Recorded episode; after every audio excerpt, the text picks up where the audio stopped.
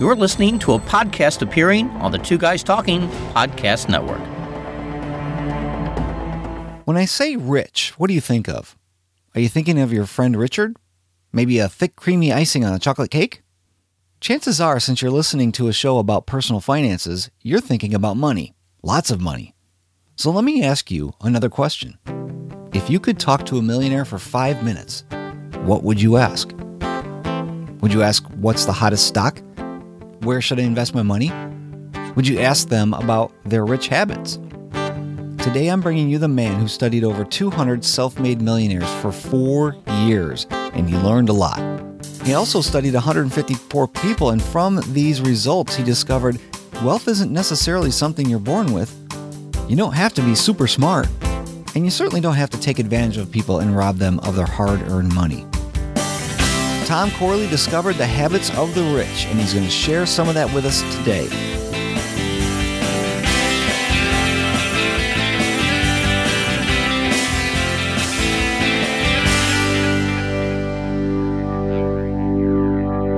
Tom Corley is a certified public accountant, a certified financial planner, holds a master's degree in taxation, and is the president of Seraphis and Company CPAs.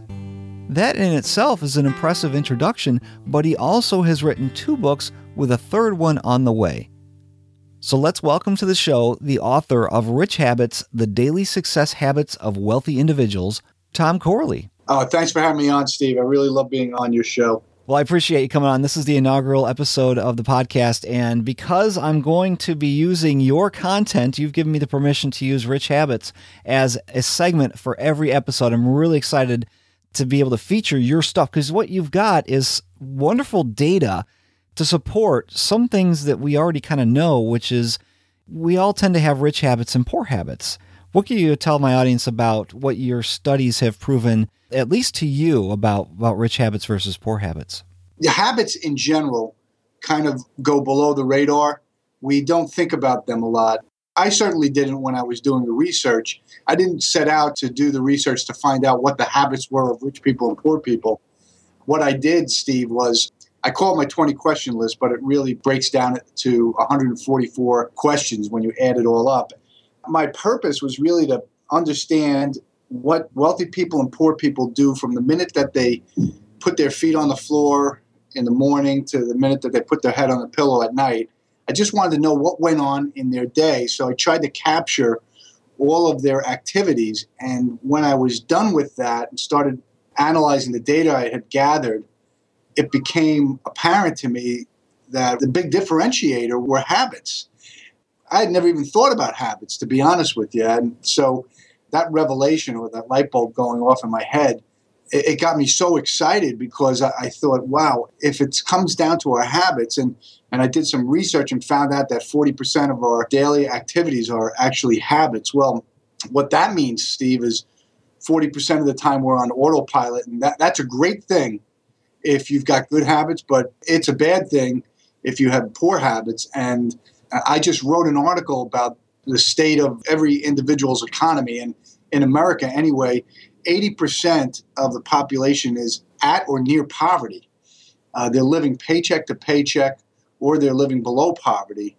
And that's frightening. And so when you think about and you ask the question, well, why is that? And then do the research, you find out it's your daily habits. You're not even aware of it. I'm sure that your research hasn't really changed, at least uh, the results of it. How long ago was it that you started to ask wealthy people and poor people about their habits? I started in mid 2004. I stopped at the end of 2008 and then I spent a year analyzing the data. And since then what I've been doing is gathering third party data and I'm finding out that there are a lot of studies out there that are consistent with uh, some of the research that I've done. Uh, one, one of them was uh, research that was done on uh, children. They they interviewed 50,000 families and they found out that the habits of children at the age of 9 are habits that stay with them for the most part for their whole lives. I thought, wow, that's incredible because that means most of our habits that we pick up are from our parents. And that that's where I I started focusing on on uh, trying to get parents to educate their kids on habits. I wrote Rich Kids for that reason and um Change Your Habits, Change Your Life, which is coming out in November. I wrote that because I wanted to give everybody the insight into actually how to change your habits. It's it's one thing to know what habits are good and bad. And the other side of the coin is well, how, okay, how do I change my habits? So I I've got a lot of good research in in that book. We're going to step away from the table for a moment to do some housekeeping, but when I come back, we're going to find out what the most surprising habit was that Tom discovered from studying rich and poor people. That's coming up. The Two Guys Talking Podcast Network is proud to have Steve Stewart's new program, No Debt, No Credit, No Problems, as part of our library. Since 2004, the Two Guys Talking Podcast Network has been providing you with great storytelling, inside looks at some of the most popular programs on television, and taking you back with perspective reviews of the greatest movies of all time. 24 on Fox. Showtime's Dexter. True Blood on HBO. The Ultimate Fighter on Fox Sports 1. Doctor Who on the BBC. ABC's Marvel's Agents of S.H.I.E.L.D. These and more programs have all been reviewed at twoguystalking.com. Those of you looking for unique perspectives, great storytelling, and profound perspectives not only on entertainment, both in television and feature films, but in skill sets and experience of all kinds, be sure to tune in to twoguystalking.com. That's the number two, guystalking.com. A new home to Steve Stewart's No Debt, No Credit, No Problems. Only at twoguystalking.com. This is Paul's tree service. A person is calling through Relay, Missouri. This is operator. Uh, thanks, but we're not interested. Who was that? Uh, just one of those annoying telemarketers. Wrong. You just hung up on a customer, one who wanted to spend money with your business. A customer who happens to be deaf, hard of hearing, or who has a speech disability, calling you through Relay, Missouri. Relay Missouri is a free service that allows people who are deaf, hard of hearing, or who have a speech disability to communicate over the telephone with you and your business. Don't hang up. This could be new business. For more information on Relay Missouri, take a minute to log on to relaymissouri.com and open the door to a whole new group of customers. Become part of a growing community that is silent but can speak volumes for your business.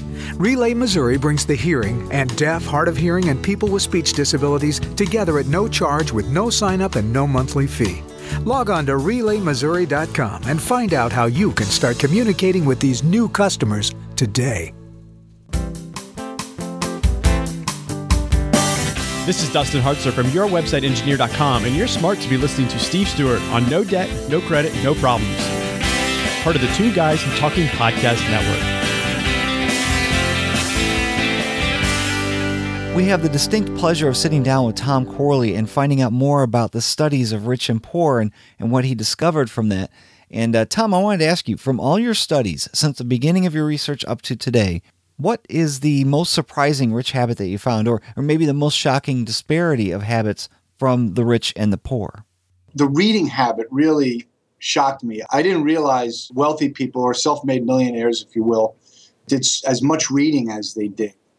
88% of them spent 30 minutes or more a day doing reading. Primarily it was related to their career or their their business uh or for self-education and the percentage for poor people was 2%. Uh, so that means 98% of poor people aren't reading for education and I thought wow that's that to me was the biggest separation between you know the two groups. And then I I I found some uh, research data or some information one individual, Ben Carson, who I write a lot about, he really symbolizes that rich habit. He, you know, he was born and raised in the ghettos of Detroit. And then when he was at a young age, his mom made he and his brother start to read every day. She mandated it because she used to clean houses for wealthy people. And she noticed that the wealthy people made their kids read. So she uh, adopted that rich habit in her household. And her kids are just shining examples of how just one simple change in one habit can uh, completely transform your life because they, you know he went on to be one of the world's top neurosurgeons and his brother is no shakes either. His brother is a brake engineer with with Boeing. Uh, and he so he's doing very well. So that to me was the most important habit in terms of dragging you out of poverty. And I think you also noted in your studies, at least originally uh, back around the time when you released Rich Habits or sometime after that, shortly after that, where um, a lot of the self-made millionaires listen to audiobooks. Yeah, that that's another thing. So now this really comes down to how you use your time. So when these self-made millionaires were in their car or when they were commuting to work, uh, they weren't listening to talk radio or the news or music. They were absorbing information in the form of audiobooks. Now it's changed a little bit because now we have podcasts And the millennials, I know this because I talk to a lot of them when they're not on Instagram or Snapchat, they're downloading podcasts. My, my son listens to three or four podcasts a week. They're listening uh, on, on the train or on the bus or in their car. You know, I wouldn't say just listening to audiobooks or podcasts is what makes the self-made millionaires more educated. I think it's the type of of content that they're consuming because there's a lot of podcasts out there. They're just you know, chit chat, uh, maybe just fan podcasts, and that kind of represents the same kind of reading that the non self made millionaires read, which is more of the entertainment type magazines, right? That's right. And what was interesting in my data of the poor people that did read, 79% uh, read for entertainment. That's not going to get you anywhere. That's look, we all need entertainment every now and again. And to be honest with you, I probably spend 10% of my reading is on entertainment, but it's on entertainment of stuff that interests me. It's not uh, I I guess you wouldn't call it fiction. It's sort of uh, related to science and and genes and and stuff like that. So what I think is important is even if you're going to read for entertainment, it should be something that will give you the ability to gain some knowledge. I've also been interviewed by different uh individuals and they say, "Well, you know, knowledge in itself isn't going to make you rich." And and I said, "That's right. You have to act on your knowledge." And and that's where an that's another uh, shoe that has to drop and you, you've got to uh, take the knowledge and apply it to your business and and that's why you have to be absorbing information that can help you in life. It can't be just you know something that you you, know, you absorb and that's it. So it has to be something that you can take with you to your business or to your career.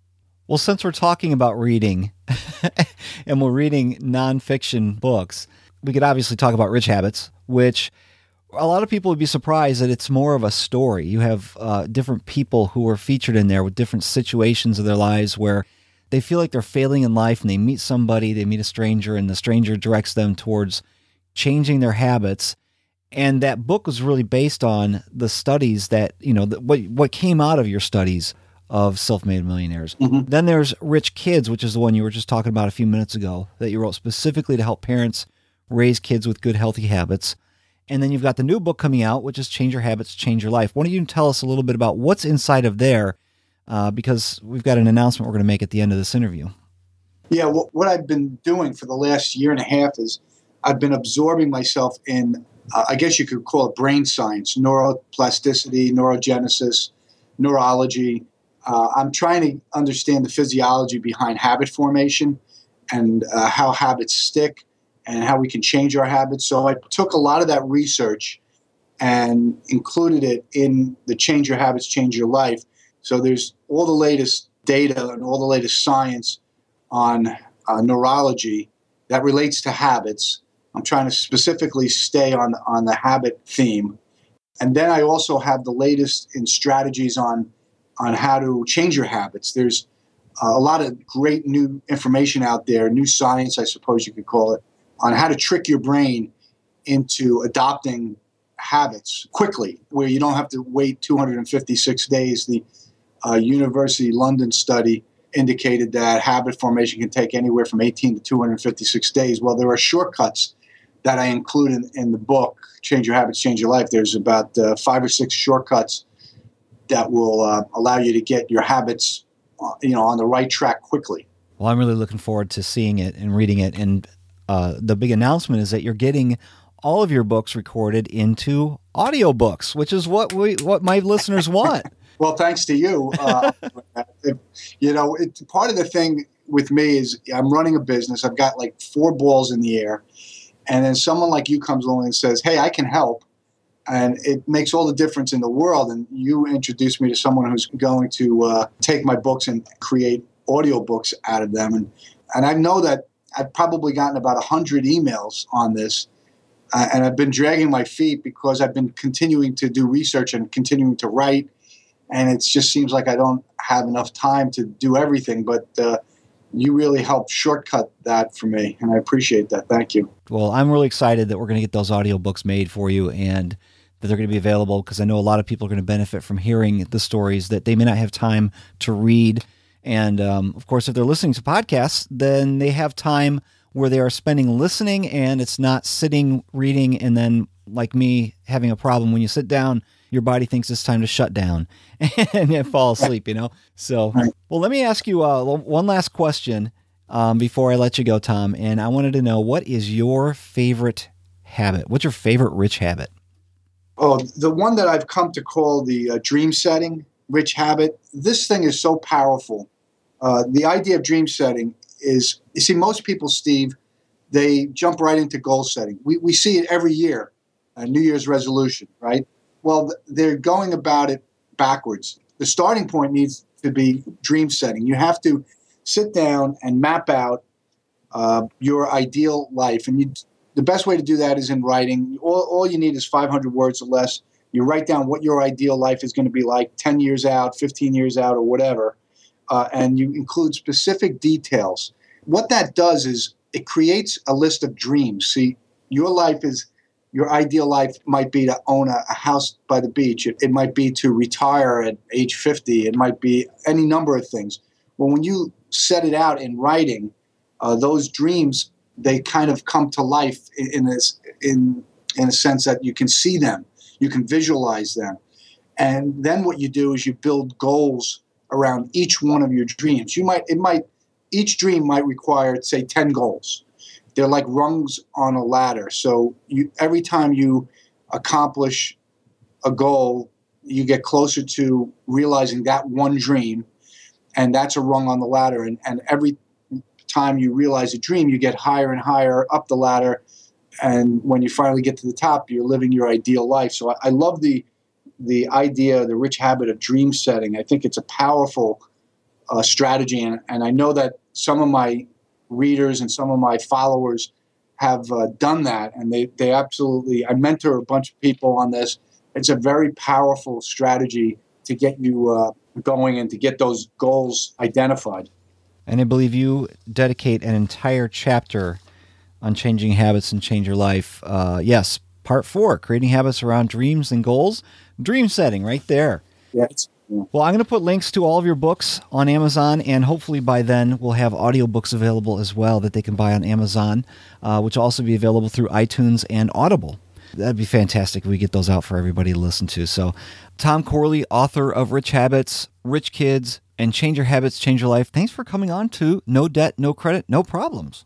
Well, I, I, there isn't anyone I would rather be on than your show. You're such a big supporter, and uh, you get what I'm doing and I really appreciate it. You know, it's it's hard to find people that can see clearly what what I'm trying to do and you're one of them. Well, me and Farnoosh. Yeah, you and Farnoosh and Dave Ramsey. All right, Tom Corley, thank you so much for coming on the show. Thanks, Steve. So, are you ready to change your old poor habits and create rich ones? I do, and it takes some time as all habits do to create new, better habits in our lives. So here's what we're going to do. In each episode of No Debt, No Credit, No Problems, I'll feature a segment called Habits of the Rich, and it will be based on an article or feature from Tom Corley's work. And in each episode, there will be a call to action. So your call to action today to work on until the next episode comes out is to choose a nonfiction book and read it for 30 minutes a day. Here are a few fantastic reads that you might consider Tom Corley recommends Jack Canfield's Success Principles. If you want something a little bit lighter and still in the topic of money, you might want to check out The Richest Man in Babylon by George S. Clason. It's almost a story tale that you could actually read to your kids. It's really good too. If you want to work on your career, learn more about career and finding work that you enjoy, check out 48 Days to the Work You Love by Dan Miller. I read that a decade ago and it's just amazing. And if you're wondering what my favorite book is, I've got this on audiobook, I've got this in paperback with post-it notes and all kinds of things written in the margin. It's my absolute favorite, The Millionaire Next Door by Thomas J. Stanley. But maybe you don't want to do a money book. Maybe you want to get something that still feeds your brain, but it isn't necessarily career and wealth based. Well, what about this one? This one is focused on relationships, and it's the five love languages by Gary Chapman. That's a game changer. Amazing book. A lot of these books you'll be able to find at your local library or order them from Amazon. Many of them are available on audiobook and if you don't have time to read, that might be a good idea or listen to podcasts, not just entertainment-based podcasts, but listen to really good informational podcasts where you can learn while you're driving. However you can fit it into your day, you need to change your habits, create a new habit based on reading more often. Set a time or a reminder on your calendar to read for 30 minutes a day. If that doesn't work well, then dedicate an afternoon or put on a jacket or a sweater and sit out on the porch to read for a couple hours on a weekend. And of course, make time to learn more about how to have no debt, no credit, and no problems by subscribing to this show. If you just found the show, go back and listen to episode 1 where I talk about what this show is all about, and episode 2 where we meet Andy Magnus, who will be a regular contributor to the show. Links to everything that was mentioned in this show, including Tom Corley's website or the books that I just mentioned, can be found at stevestewart.me slash 03. Coming up in the next episode, we're going to find out the four myths that will ruin your retirement with special guest Roger Whitney, the retirement answer man. We'll also have Andy Magnus back for a six-minute conversation on why we file our taxes. And in our Habits of the Rich segment, we'll find out from Tom Corley how he increased his vocabulary and increased his attractiveness to women at the same time. Yeah. Make sure you stay subscribed on iTunes or on Stitcher or visit stevestewart.me for more information. I'm your host, Steve Stewart, reminding you to pay attention to your money, not interest with it. God bless you. Have a great week.